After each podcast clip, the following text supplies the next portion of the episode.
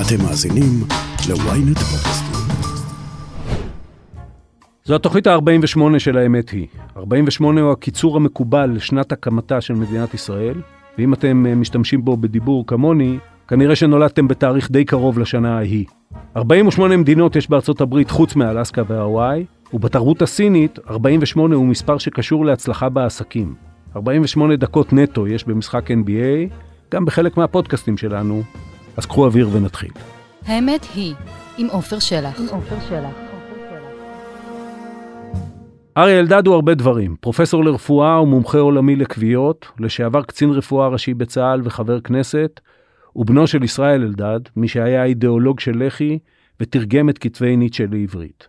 בעיקר, אלדד הוא זן שאני לא יודע כמה הוא נדיר, אבל קולו בוודאי הולך ונעלם בקקופוניה הפוליטית הנוכחית.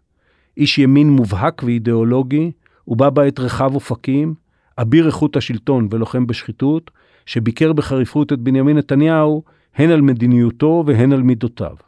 הלכתי אל אלדד לשיחה של פעם, רחוקה ממה שידברו עליו בחודשים הקרובים באולפני הטלוויזיה. כשימין הוא מי שהוא רק ביבי, ושמאל הוא רק לא ביבי, חשוב בעיניי לחזור אל השיח הזה, אל מה שאנחנו אמורים לדבר עליו באמת. ועל זה דיברנו.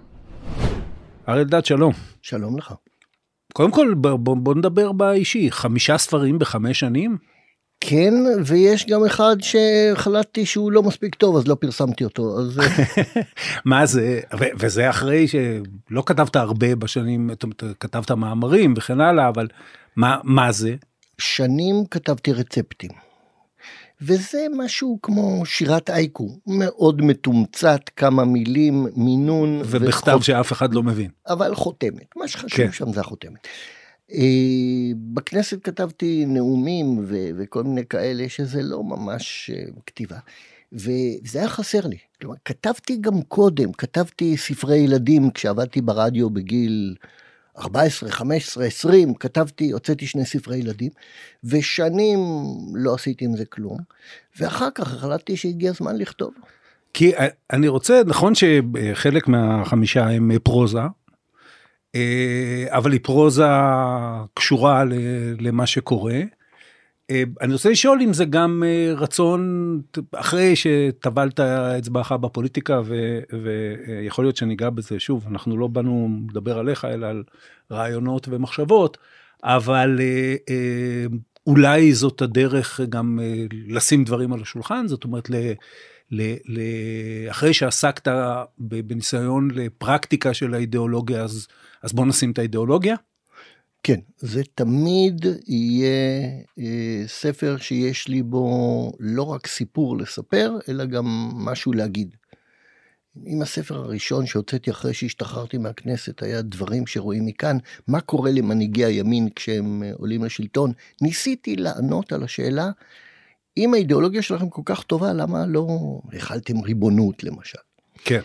אה, ואחר כך החלטתי שאני מעדיף לספר סיפור, אבל שבתוך הסיפור יהיו הביקורות שיש לי על מערכת הביטחון ועל המערכת הפוליטית ועל האקדמיה, וזה התגלגל מאחד לשני, כי או שהיה לי סיפור חדש לספר והחלטתי להמשיך אה, בקו הזה.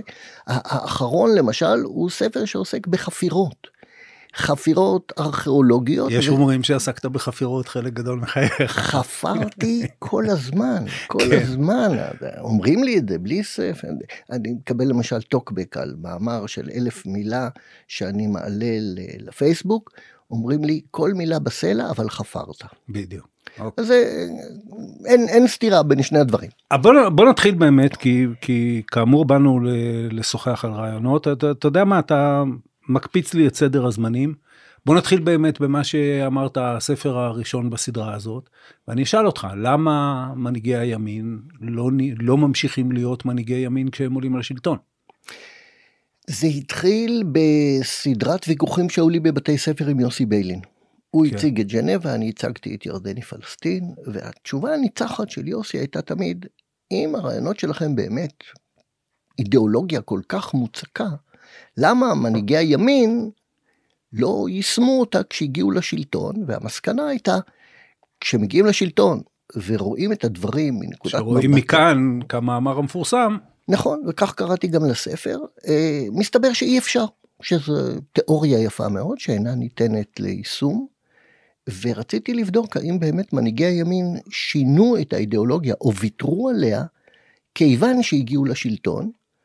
והגעתי לתשובה המעניינת שכל אלה שוויתרו על האידיאולוגיה עשו את זה הרבה קודם כדי להגיע לשלטון, ולא מחמת הגעתם לשלטון, פתאום נפקחו להם האופקים. תכף נגיע לארכיאולוגיה הפוליטית הזאת, אבל אה, יכול להיות, אה, אם אנחנו עוד במישור של הוויכוח בינך לבין יוסי ביילין, שזה מוכיח על אחת כמה וכמה את אה, תיאוריית ביילין. זאת אומרת, הם הגיעו למסקנה שזה לא נוסע, ושעם ישראל מבין בשכלו שזה לא נוסע, עוד לפני שהם הגיעו לשלטון. אני חושב שהם הגיעו למסקנה שהם לא יוכלו להיות ראשי ממשלה אם הם אה, לא ייצרו בריתות פוליטיות כאלה גם עם אלה שאינם מאמינים באידיאולוגיה שלהם והדוגמה המובהקת היא בגין.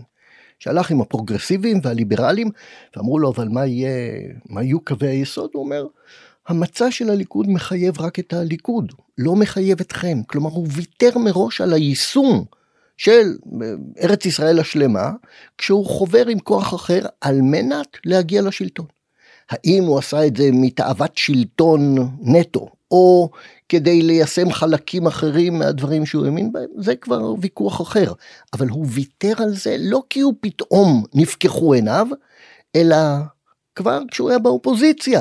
הוא הבין שהוא לא יגיע לשלטון אם הוא ידבק בארץ ישראל השלמה. אני רוצה, אני כבר בשלב הזה להכניס את התמה הגדולה שמבחינתי תלווה את, ה, את השיחה שלנו, כי היא תלווה את השיחה שלנו ואני חושב שניגע בה בכל מיני צורות. ואני אגיד שברמה מסוימת, הימין האידיאולוגי שאתה מייצג אותו, של נגיד ארץ, נקרא לו ארץ ישראל השלמה לצורך העניין, אה, אבל ארץ ישראל השלמה מטעמים אידיאולוגיים, מטעמים שבאים ואומרים, בשביל זה חזרנו לפה, זוהי אה, גאולת ישראל ותקומת ישראל, אה, ואנחנו צריכים אה, לדבוק בה כי אחרת, כי אחרת בשביל מה באנו. הביסה את עצמה התפיסה הזאת בשביל לנצח לא רק במערכת בחירות כזו או אחרת, אלא בקרב הגדול ברגע שהיא באה ואמרה, בעצם הסיפור הוא ביטחוני. ובעצם נוצר מצב שבו יותר אנשים מוכנים לקבל את הנימוק הביטחוני, אנחנו חייבים להישאר בשטחים כי אחרת יהיו רקטות על אה, תל אביב, ואחרת יהיה טרור ברחובות אה, כפר סבא ובאר שבע.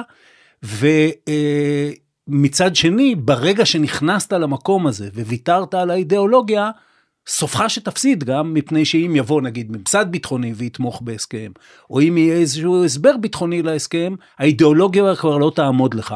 זה, זה, יש משהו במה שאני אומר?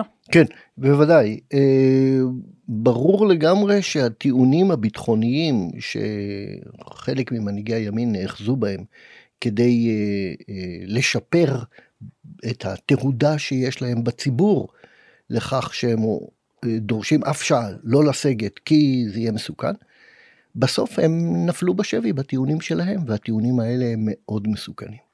כי יבואו ויגידו לך הנה אנחנו נותנים לך את כל הערבויות שיש בעולם ואז אז אה, אתה יכול לסגת מיהודה ושומרון ונתניהו היה קרוב מאוד לוותר על הכל בשיחות שלו עם קרי כי בסוף הוא נדחק לשאלה מי יהיו המשקיפים שיהיו בעמדות התצפית וההאזנה בבקעת הירדן כל השאר כבר הוא סיכם. הטיעון שלי הוא טיעון אידיאולוגי כלומר להבנתי הציונות הייתה מראש עם, עם מטרה כפולה, לא רק להוציא את עם ישראל מהגלות, אלא לשחרר את המולדת שלו שהייתה כבושה בידי זרים. כאשר חלק גדול מהציונות, גם בשמאל, לא, לא, ודאי לא רק בימין, אה, התחילה להגדיר את אה, ארץ ישראל כמקלט בטוח. כלומר, יחס אינסטרומנטלי לארץ, לטריטוריה.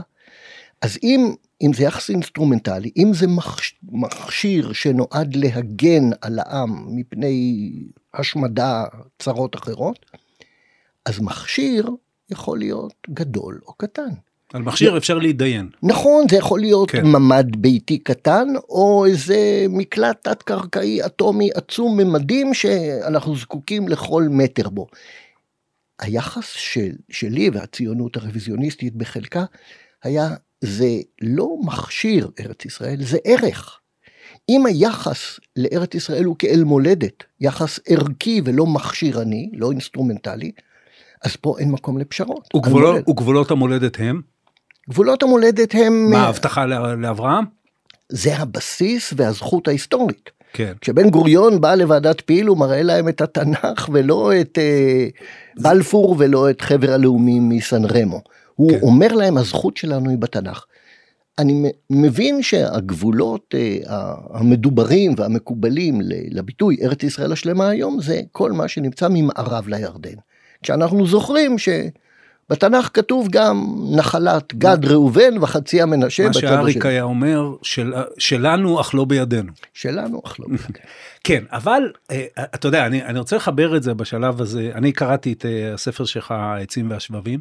ספר נפלא, אני חייב להגיד, תודה אתה יודע רבה, שאני אומר את זה רבה. בכאב לב מסוים, אבל הוא, הוא ספר נפלא קודם כל ברמה האנושית, הוא מספר סיפור אוניברסלי מדהים, כן, על מה קורה לתנועת מחתרת ותנועת, כשנגמרת המלחמה, לכאורה, זו שאלה אם היא נגמרת. גונבים להם את האויב, האויב המנוול קם והלך. כן, ומכיוון שהיא מבוססת אה, גם אנשים אמיתיים וגם אירועים אמיתיים, ואתה לא חוסך שם שום דבר, כולל, אתה יודע, חיסול של מומחה, המומחה מספר אחד לחומר נפץ, כי יש חשש שהוא יעבוד עם ההגנה, לא כי שיש חשש שאם הוא אה, יעבוד עם הבריטים.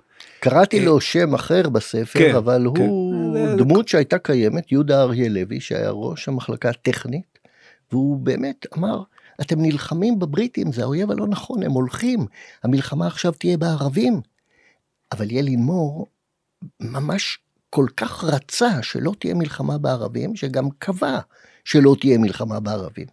וכשיהודה אריה לוי אמר, אני אמסור רק את הנוסחאות של ייצור חומר הנפץ להגנה, העמידו אותו בפני בית דין שדה והוציאו אותו להורג. כן, עכשיו, בתוך זה נמצא כמובן גם אביך, שהוא האידיאולוג של אה, הלח"י, אה, והוא, יש משפט, אה, עברתי על הספר עוד פעם ככה לקראת הפגישה, יש משפט שהוא כמעט מתכתב עם משפט שאמרת לפני כמה דקות, שאפשר להוציא מאלדד את ה... את, אפשר להוציא את אלדד מהמהפכה, אבל לא את המהפכה עם אל- עם- מאלדד. ובעצם, התבוסה של הגישה שלו מתחילה כבר אז, לא בתוכנית החלוקה, אלא אפילו ב- בתוך, בתוך לח"י עצמה. נכון. אין קונים, ואני מחבר את זה לתמה הגדולה, אין קונים לסחורה הזאת שאתה מציג, וסליחה על השימוש במילה סחורה, אין קונים לאידיאולוגיה הזאת בכמות שהיא היא בכלל איזשהו משקל פוליטי, כמעט מראשיתה. לח"י מראשיתה היו אה, כמה עשרות, ובשיא כוחה היו כמה מאות. כן. והכי מגוונים מכל אה, כן, תנועות המחתרת. כן, הם, עמוס קנן ואלי מור ואלדד ויצחק שמיר. נכון. ויצחק שמיר היה אז באמצע, ממש באמצע, שמיר היה פרקטיקן. ואפילו תמך ביילין מור בוועידה הראשונה והאחרונה של לח"י, שהביאה לפילוג אחרי קום המדינה כבר, השאלה הייתה מה עושים מחר בבוקר. ילין מור ושמיר אמרו מקימים מפלגה פוליטית, אגב מפלגת פועלים סוציאליסטית, כן. כי זה מה שהיה, כמה בורגנים כבר היו בארץ, ו... כי זה עניין פרקטי, עניין מעשי, ככה אפשר להשפיע. ואבא שלי אמר, תנועה חינוכית, רעיונית, נוציא עיתון ונגדל קאדרים צעירים, כי הוא הבין שגם בלח"י, הכי אידיאולוגית, השורשים מאוד רדודים, אם רוב אנשי לח"י באותה ועידה תמכו בהקמת מפלגת פועלים סוציאליסטית, הוא כבר אז נותן לעצמו דין וחשבון שהחינוך האידיאולוגי שלו הגיע לעשרות ולא לאלפים. למה יש סתירה בין אה, מפלגת פועלים סוציאליסטית לבין ארץ ישראל השלמה? אין סתירה, ואנחנו גם ראינו שראשי התנועה למען ארץ ישראל השלמה, אחרי מלחמת ששת הימים? טבנקין, בוודאי שאין אין סתירה. וגם ילין מור מדבר על ארץ ישראל השלמה, באותם שנים, ב-48, 49, אבל אבא שלי חשב שזה הבל ורעות רוח, כי יש כל כך הרבה מפלגות פועלים סוציאליסטיות, מי יצטרך דווקא את ותיקי לח"י לעניין הזה? והמפלגה באמת התפוררה אחרי תשעה, עשרה חודשים, ב- לא התמודדה אפילו לכנסת השנייה. ששוב, לאורך השנים, אה, ואני הייתי עד כעיתונאי אפילו בגוף ראשון לוויכוחים בין בני אלון לבין פייגלין אחרי כישלון תנועת ההתנגדות לאוסלו, האם מקימים אה, מפלגה שבסוף גם אתה היית חלק מהגלגולים שלה, או שהולכים להשתלט על הליכוד או להשפיע על הליכוד כמו שפייגלין רצה ואנחנו מכירים איך זה התגלגל. אה, לאורך השנים, לימין הזה שאתה מייצג, וניגע אחר כך גם בסוגיית כמובן הדתיות מול החילוניות, בוודאי לימין החילוני, או הלא חרד"לי לצורך העניין, אה, אה, הוא בסוף מתי מעט. למה? למה בעצם הדבר הזה שיש בו, אפילו אני, שאני חושב, לא חושב הפוך, אני במובנים מסוימים מתחבר אליך, רק במובנים אחרים, במובנים הפרקטיים אולי חושב הפוך, מכיר בזה שיש בזה ניקיון אידיאולוגי ויש בזה קוהרנטיות שאין אולי בחשיבה הפרקטית, למה אף פעם אין לזה מספיק קונים? שאלה קשה מאוד שאני לא בטוח שיש לי עליה תשובה ברורה. אני מסתכל על איזה ספר שמישהו כותב ואני אומר, אה, זבל, אין לזה סיכוי בכלל למכור אלף עותקים.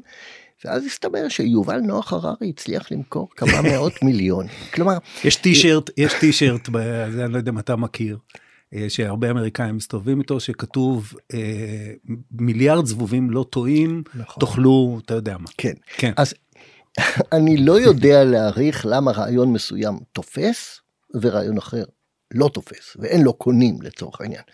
אבל אה, ברור לי לגמרי שכמו שבלח"י שהייתה האוונגרד בתוך היישוב ובעצם כמה עשרות אה, אנשים כפו מצב של מלחמה בין היישוב והבריטים והיישוב לא רצה את זה.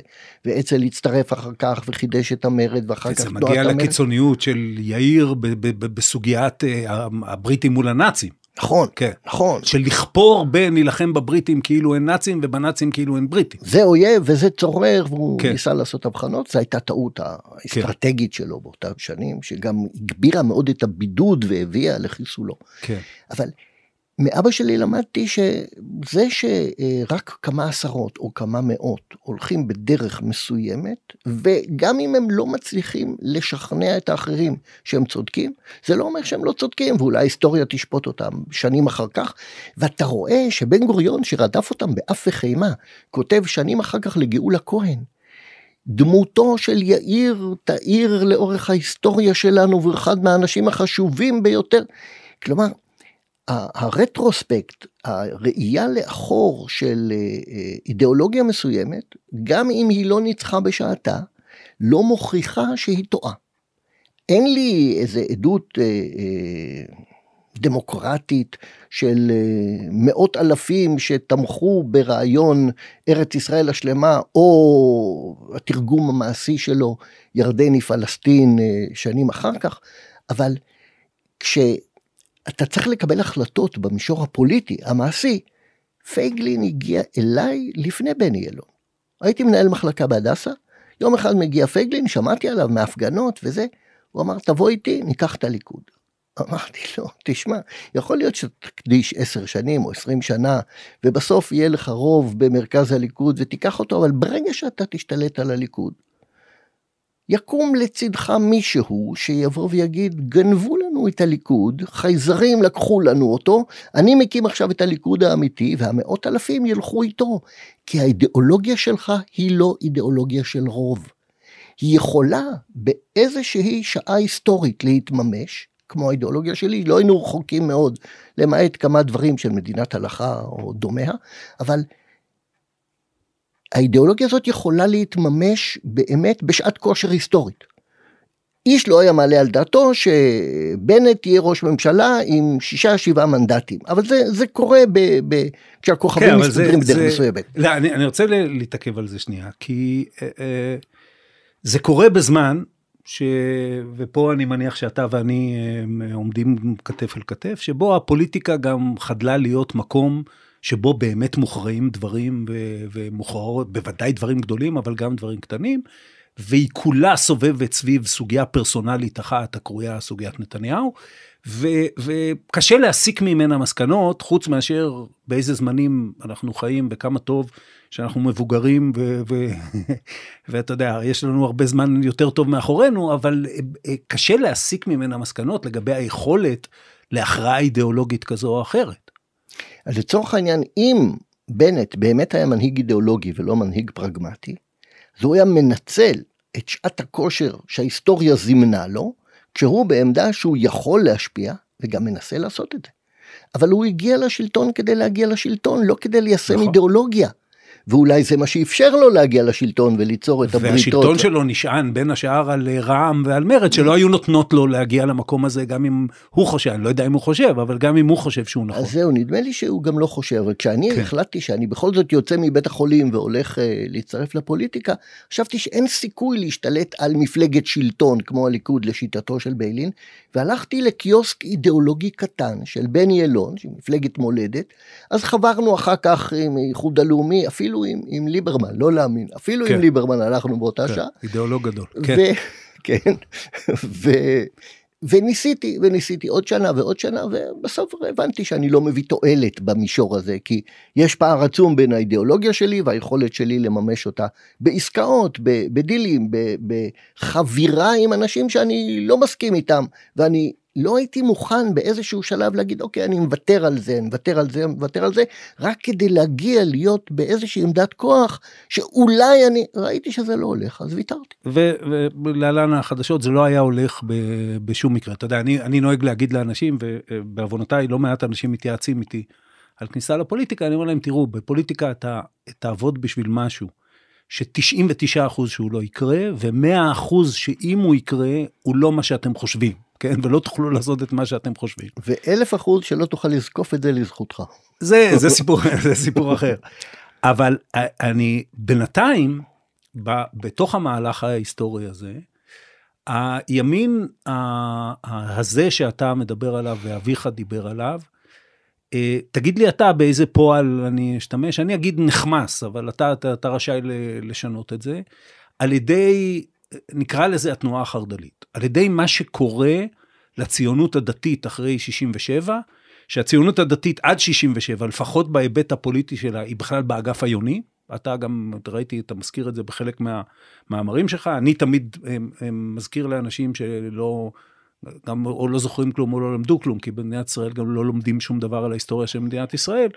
ששרי המפד"ל ב-67, בישיבות הממשלה של 67, ייצגו את הצד היוני, למשל אה, לגבי אה, עלייה לרמת הגולן, ו- ועתיד ירושלים, גם אתה, ירושלים, גם אתה מזכיר את זה. אה, ו- ופלג מסוים בתוך הציונות הדתית, ולא ניכנס לניתוח של מה שקורה לו, בעצם לוקח, מנכס את התפיסה הימנית, מהווה את הרוב המוחלט של האנשים עם התפיסה הזאת, אבל מכניס לתוכה לגמרי את הפרקטיקה, נכון? את העוד גבעה ועוד אה, דונם ועוד עז ביהודה ושומרון, אה, בעצם לוקח את הפרקטיקה של השמאל ומתרחק מהאידיאולוגיה של הימין כמו שאתה תופס אותה. זה תיאור נכון מה שאני נותן? לא, לא לגמרי. הציונות הדתית לא מנכסת את זה לעצמה, בטח לא חומסת את זה, כן. כי היא יונקת ממקורות אה, אנרגיה אחרים לגמרי. לצורך העניין היא הייתה מסתדרת גם בלי הרצל, וגם בלי הציונות המדינית. זה התרגום של אה, אה, מתח הגאולה שיצרו הרב קוק ותלמידיו עם הגעתם לארץ ישראל וההתיישבות בארץ ישראל, ואנחנו יודעים שהתיישבו פה לא רבים, אבל גם אנשים שלא היו ציונים מתלמידי הגר"א והיישוב הישן לדורותיו, והשינוי שחולל הרב קוק בציבור הזה, היה לחבר את אה, הרעיונות המשיחיים של בואו נשב ונחכה להמשך צדקנו לטריטוריה, לארץ, למולדת, עם תרגום מעשי, זה היה פתאום מקור אנרגיה חדש. הם חברו לימין האידיאולוגי החילוני שהלך והתמעט. כן. כאיזה מין אה, שלב הנאה בטיל. אז השלב הקודם קבע, אבל פתאום ניצת השלב הזה שמקורות האנרגיה שלו היו אחרים. הוא לא ניזון מהשלב הקודם, הוא לא ניזון כן. ממיכל הדלק הריק של, ה, של הציונות החילונית שהביאה אותנו והקימה את המדינה ואז נגמר לה. הם, הם הניעו מדלק אחר. והחיבור שלהם הוא אד הוק, הם זיהו את החלל, זיהו את הוואקום, את החולשה של התנועות ההתיישבות, של השמאל הציוני, את העובדה שיש רבים מאוד שמחפשים איך לעשות, רוצים לעשות, יש בהם אנרגיה, והם תרגמו את זה לגבעות ולהתיישבות, וזאת הייתה הצלחה של הציונות הדתית, אבל אני בטח לא חושב שהם חמסו משהו. אוקיי, הם לא גנבו, אמרתי, אתה תבחור, לא, אתה גנב, תבחר. לא גנבו לאבא שלי כלום. אני אגיד לך, אני אגיד לך למה, למה זה כן אה, אה, עניין לדון בו לשיטתך. מפני שאם אתה הולך אחורה לז'בוטינסקי, אז אצל ז'בוטינסקי אה, אה, לכל שר היה סגן ערבי, כולל לראש הממשלה, וכמובן יש, ישבו פה בן הרב, אה, בן נצרת ובני, אה, לאו דווקא לפי הסדר הזה, אבל אה, ב- ב- ב- חלק מהז'בוטינסקאות זה לקבל ב, ב, ב, בעודנו מקימים את קיר הברזל ובעודנו מייסדים את העצמאות המדינית שלנו על הטריטוריה, אולי במובנה הרחב, אנחנו איכשהו, וז'בוטינסקי, אתה בטח יותר בקיא ממני, לא מסביר איך, מיישבים את זה עם זכויות מלאות ותפיסה דמוקרטית של זכויות האנשים היושבים בארץ הזאת. אה, אני חושב שהפלג הדתי, לא ניכנס, לא ניכנס אליו, אני רוצה להתמקד בך. אה, לא, את החלק הזה בז'בוטינסקי, או שהוא לא קרא, או שהוא לא, לא כך מתייחס אליו. אני שואל איך אתה מתייחס אליו. איך אתה פותר לעצמך את הסוגיה הדמוגרפית ואת הסוגיה הדמוקרטית שאני מאמין לחלוטין שאתה מאמין בה, בתוך הגבולות האלה ובהגדרת הציונות כמו שאתה נותן. אז א', אה, לסגור את עניין ז'בוטינסקי, כן. אני לא בעדו. אוקיי. אף פעם לא הייתי. מ-1938 אני נגדו. ואתה יליד כש... 1950. נכון. כן. כשבגין ואבא שלי היו האופוזיציה לז'בוטינסקי בוועידת בית"ר בוורשה ב-38. והם אומרים לו, אתה מהמאה ה-19, אתה מהדמוקרטיות הליברליות. זה לא ילך ככה, אי אפשר, העולם הוא לא כזה, לא מתנהג ככה, ולכן אנחנו, ז'ב, בגין דרש אז, אשא את נשקי לא רק להגנת מולדתי, אלא גם לכיבושה. וז'בוטינסקי הזדעזע כי הוא האמין בבריטים, בסופו של דבר הוא היה נגד המרד בבריטים. בסדר, אז, אבל זה, זה ויכוח אחר. זה ויכוח כן. היסטורי. אז כן. מה שז'בוטינסקי תיאר, הסגן הערבי, נראה לי שזה באמת אוטופיה של סוף המאה ה-19, שלא היה לה שום מקום בארץ ולא היה שום סיכוי להתממש. כן. מה שכולם מצטטים, שם ירבו רוב שפע ונחת בין ערב, בין נצרת ובני, פה זה סילוף סתם. כי השורה הבאה אומרת, כי דגלי דגל טוהר ויושר יטהר שתי גדות ירדני.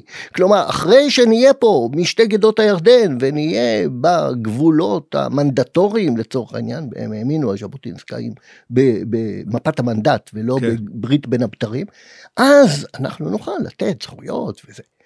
אבל על כל פנים, איך אני מיישב את הסתירה הזאת? כן. ו- ואם אני אומר, אה, מדינת ישראל צריכה להכיל ריבונות מהירדן לים. אבל okay. אוקיי. יש הרבה ערבים, מה איתם? כן. ואני מאמין שלאנשים צריך שיהיו זכויות ושיוכלו לבטא את uh, זכויותיהם. ב-47 הגיע הנה אונסקופ, uh, United Nations Special Committee on Palestine, כשהבריטים הודיעו שהם עוזבים, רק ביקשו מהאו"ם, תגיד לנו מה לעשות עם זה.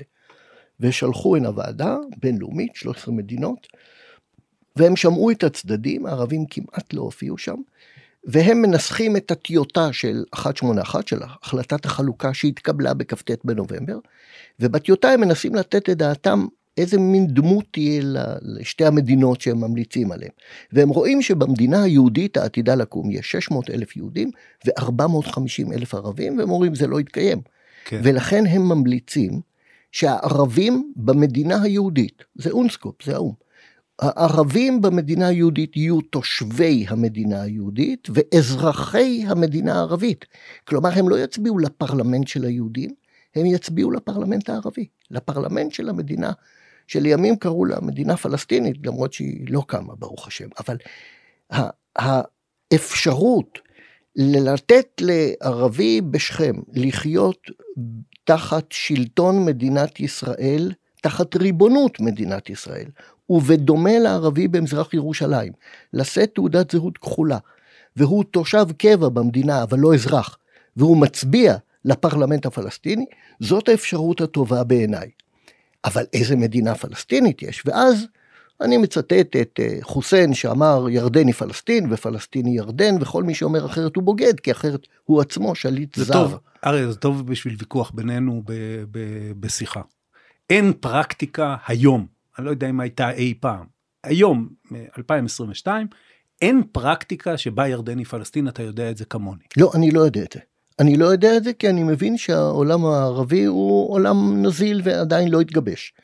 וכשם שדי היה במלחמה ב, ב, של האמריקאים בעיראק כדי לפורר את המדינה הזאת ואולי להפוך אותה לשלוש ישויות שעדיין לא קמו, אבל זה סוג של פתרון שהוא הגיוני.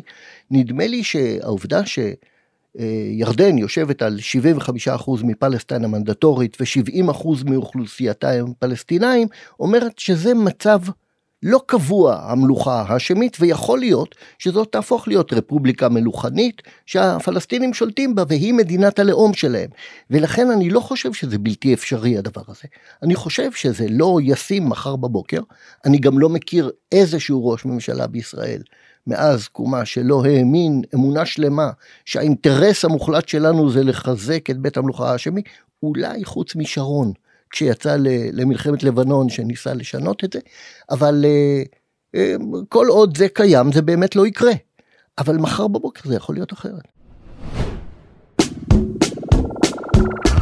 היי, אני יובל מן. ואני אושרית גנאל. בעולם הטכנולוגי של היום צריך שמישהו יעשה קצת סדר. הצטרפו אלינו לרפרש, פודקאסט הטכנולוגיה של ynet. בכל שבוע נדבר על מה שחדש ומעניין בעולם הדיגיטלי. רשתות חברתיות, גאדג'טים, המצאות חדשות, וגם הפוליטיקה של חברות הענק. חפשו רפרש בוויינט או באפליקציית הפודקאסטים שלכם. אני רוצה לחבר את זה לקראת uh, כינוס uh, זמני, כי אנחנו נצטרך מתישהו להפסיק את השיחה, למשהו ש...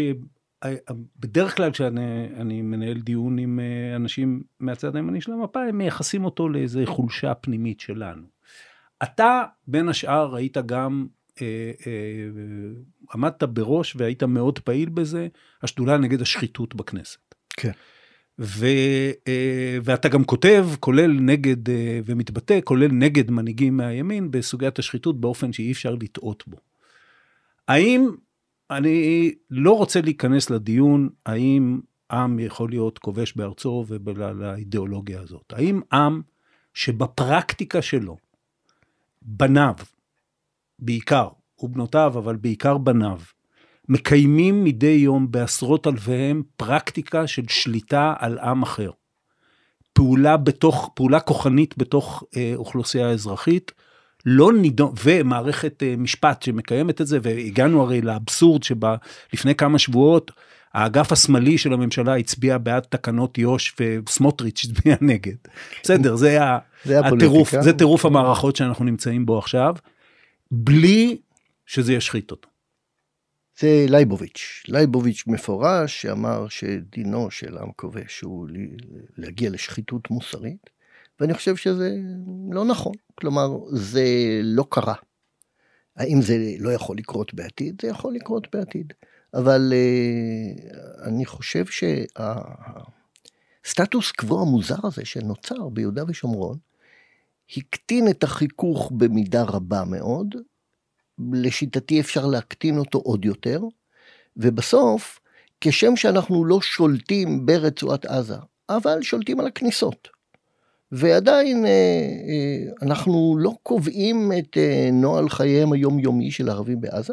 אני חושב שאפשר יהיה להגיע לפורמולה כזאת של חיים זה לצד זה, כשהריבונות המוחלטת והכוח בידינו, ואני חושב שזה לא אידיאלי, זה לא איזה דמוקרטיה אוטופית, אבל זה הכי טוב שאפשר להשיג, כי המחיר של כל פתרון אחר הוא כבד מדי. אז אתה בסוף אה, מתכנס לנתניהו איכשהו.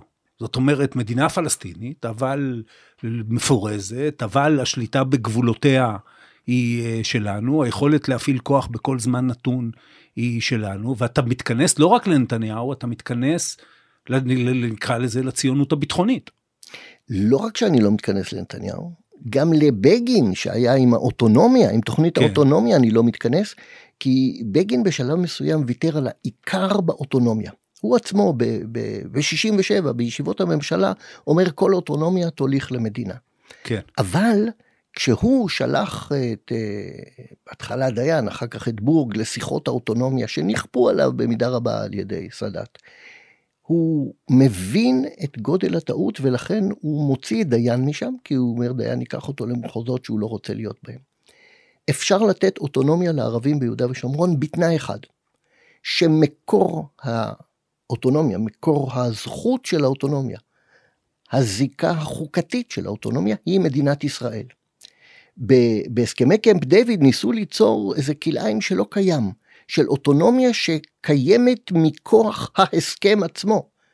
אוטונומיה יכולה מדינה להאציל לשטח מסוים. אם מדינת ישראל הריבונית מאצילה אוטונומיה מוניציפלית, חינוכית, אחרת, לערבים בשכם או בחברון, זה דבר שיכול להתקיים. אבל זה לא מה שנתניהו התכוון. למה, מה בין זה לבין הכרזת מדינה, חוץ מהכרזה? או, הכל. ברגע שהוכרזה מדינה אתה לא יכול אה, לעשות שום דבר. העולם כולו לא ייתן לך להיכנס בלילה ולעצור מבוקשים, העולם כולו לא ייתן לך, כשהוא עובר מכמה ג'יפי סיור לנגמשים, הוא יגיד לך זה לא קזוס בלי, כשהוא מקים מפעל צינורות אתה לא תוכל למנוע שהוא ייצר שם רקטות. ברגע שזו מדינה ריבונית, האמירה מדינה ריבונית מפורזת, אין חיה כזאת. זה תיאוריה שבתיאוריה היא מעולם לא התגשמה בשום אבל תענה לי שוב על זה שאתה, אתה, בסוף גם אתה מגיע לנימוקים הביטחוניים. וה, ה, ואפשר לדון ולעשות ויכוח גדול על, על הנימוקים הביטחוניים, ואני חס חלילה לא מבטל אותם. אני רק אומר, כמו שאמרנו בתחילת השיחה, ברגע שהגעת לשם, א', יכול להיות שזרעי תבוסתך אה, אה, כבר נזרעו, ושתיים, זנחת את, ה, את התואר האידיאולוגי, שהוא, שהוא הבסיס של כל, של כל עמדתך. זה לא הנימוקים הביטחוניים, כן. זה התרגום המעשי של האידיאולוגיה להסדרים ביטחוניים. אני אומר, ארץ ישראל שייכת לעם ישראל זו המולדת שלנו ורק אנחנו ריבונים בה, מהירדן לים. עכשיו, בתוך השטח הזה, אני יכול להציל זכויות מסוימות כמו שאני מאציל למיעוטים בתחומים תרבותיים, רוחניים, ספרותיים, לשוניים, אני יכול לתת לערבים אה, בחברון אוטונומיה מוניציפלית כדי לטפל בענייניהם. זה לא אומר שאני לא הריבון, שזה הארץ שלי, שוויתרתי על הזכות ושזה לא חלק ממדינת ישראל, לא ארץ ישראל גיאוגרפית, אלא חלק ממדינת ישראל ממש. לכן, למה אני עושה את הדבר הזה? כי זו המולדת שלי. איך אני מתרגם את, ה, את המהלך הזה למשהו שלא יסכן אותי בחיי יום יום, זה התרגום הביטחוני שלו, אבל זה לא מקור הזכות שלי. אתה מסתכל היום, מ, מ, אתה נולדת כמעט יחד עם המדינה, אה, אתה מסתכל עליה היום, אתה חושב ש... שיש בה את העוצמות כדי לקיים את מה שאתה מדבר עליו, ואם הן עומדות בסכנה, אני לא אגיד אם לא, אבל הן עומדות בסכנה, למה הן עומדות בסכנה? מה שיש לנו במדינת ישראל זה דבר אדיר. אני כל יום בבוקר מתעורר וזה לא יאומן הדבר הזה, באמת. ואבא שלי על זה היה אומר דבר אחד. הוא אומר, יש שני אה, פסוקים ידועים בתנ"ך, אחד מהם זה מה טוב הוא עליך יעקב משכנותיך ישראל, והשני, עם נבל ולא חכם. אוקיי. Okay. מה טוב הוא עליך יעקב? מי אומר? בלעם המכונה הרשע. כן. מי אומר עם נבל ולא חכם? משה רבנו. משה, כן. עכשיו... זאת אומרת, היהודים מקטרים מה... ואלה שמסתכלים מבחוץ רואים פלא. ואבא שלי גם הסביר למה. הוא אומר, אוקיי. תראה, זה הכל עניין של פרספקטיבה. משה רבנו חי בתוך האוהלים, בתוך הקומבינות והאינטריגות, וניתנה ראש ונשובה מצרימה, ואנחנו מתגעגעים לסיר הבשר, ואין לנו מים ואין לנו אוכל וזה. בלעם רואה אותם מראש צורים, מראש צורים החזינו, מאיזה מרחק גדול. הוא רואה את המהלך ההיסטורי. עם עבדים יוצא ממצרים, מקבל תורה, בדרך לארץ ישראל לכבוש אותה. והוא אומר, מה טוב הוא עליך ישראל. זה, זה ההבדל. כשאנחנו חיים בתוך הזבל, בתוך ההוא שבגד והצביע נגד, הצביע בעד, אז זה גועל נפש ואתה לא מבין איך הגענו הנה. אתה לוקח טיפה צעד אחורה לראות מאיפה באנו ולמה השגנו, אז זה, הלב מתרחב, זה... ואז אתה גם מאמין שאתה יכול להגיע עוד להרבה יותר.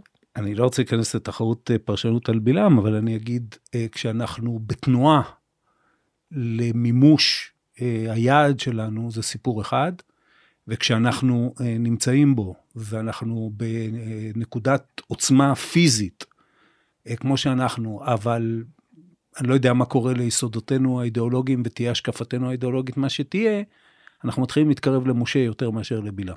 ולכן אולי בן גוריון היה מאלה שאמרו, הציונות לא נגמרה בהקמת מדינת ישראל. הוא לא רצה את המצב הסטטי. הוא לא רצה להגיד, הגענו אל המנוחה ואל הנחלה, הוא הציב יעדים ציוניים לעתיד. אם אנחנו נדע להציב לעצמנו את היעדים לעתיד, ו- ונקפיד שלפחות חלק מהאוונגרד שהולך בשפיץ יהיה בתנועה, אז גם אחרים יבואו. שאלה אחרונה, כשאתה מסתכל, אולי ענית עליה קודם, אבל כשאתה מסתכל על הכיוונים שאנחנו הולכים עליהם, כולל אה, אה, החברה הישראלית פנימה, אתה אופטימי? כן, מאוד אופטימי. מאוד אופטימי מכל הסיבות הדמוגרפיות וההתפתחותיות והטכנולוגיות והכלכליות ואפילו הצבאיות. ו... ואני כל הזמן יודע להצביע על פגמים וחולשות וחסרונות ומחר אסון אם לא תעשו ככה או ככה, אבל נדמה לי שקו המגמה הוא קו טוב. הרי יודעת, שיהיו לנו רק מגמות טובות. תודה רבה. תודה רבה. עד כאן עוד פרק של האמת היא. אתם מוזמנים לעקוב אחרינו בוויינט או באפליקציית הפודקאסטים המועדפת עליכם. אם זה קורה באפל או בספוטיפיי, אתם מוזמנים גם לדרג אותנו. אל תתביישו לכתוב לי בקבוצת הפייסבוק פודקאסט להמונים, ואם אהבתם, לא נתנגד שתשלחו את הפרק לחברים. העורך שלנו הוא רון טוביה, הפקה ערן רחמני, על הסאונד גיא סלם. אני עופר שלח, נשתמע בפעם הבאה.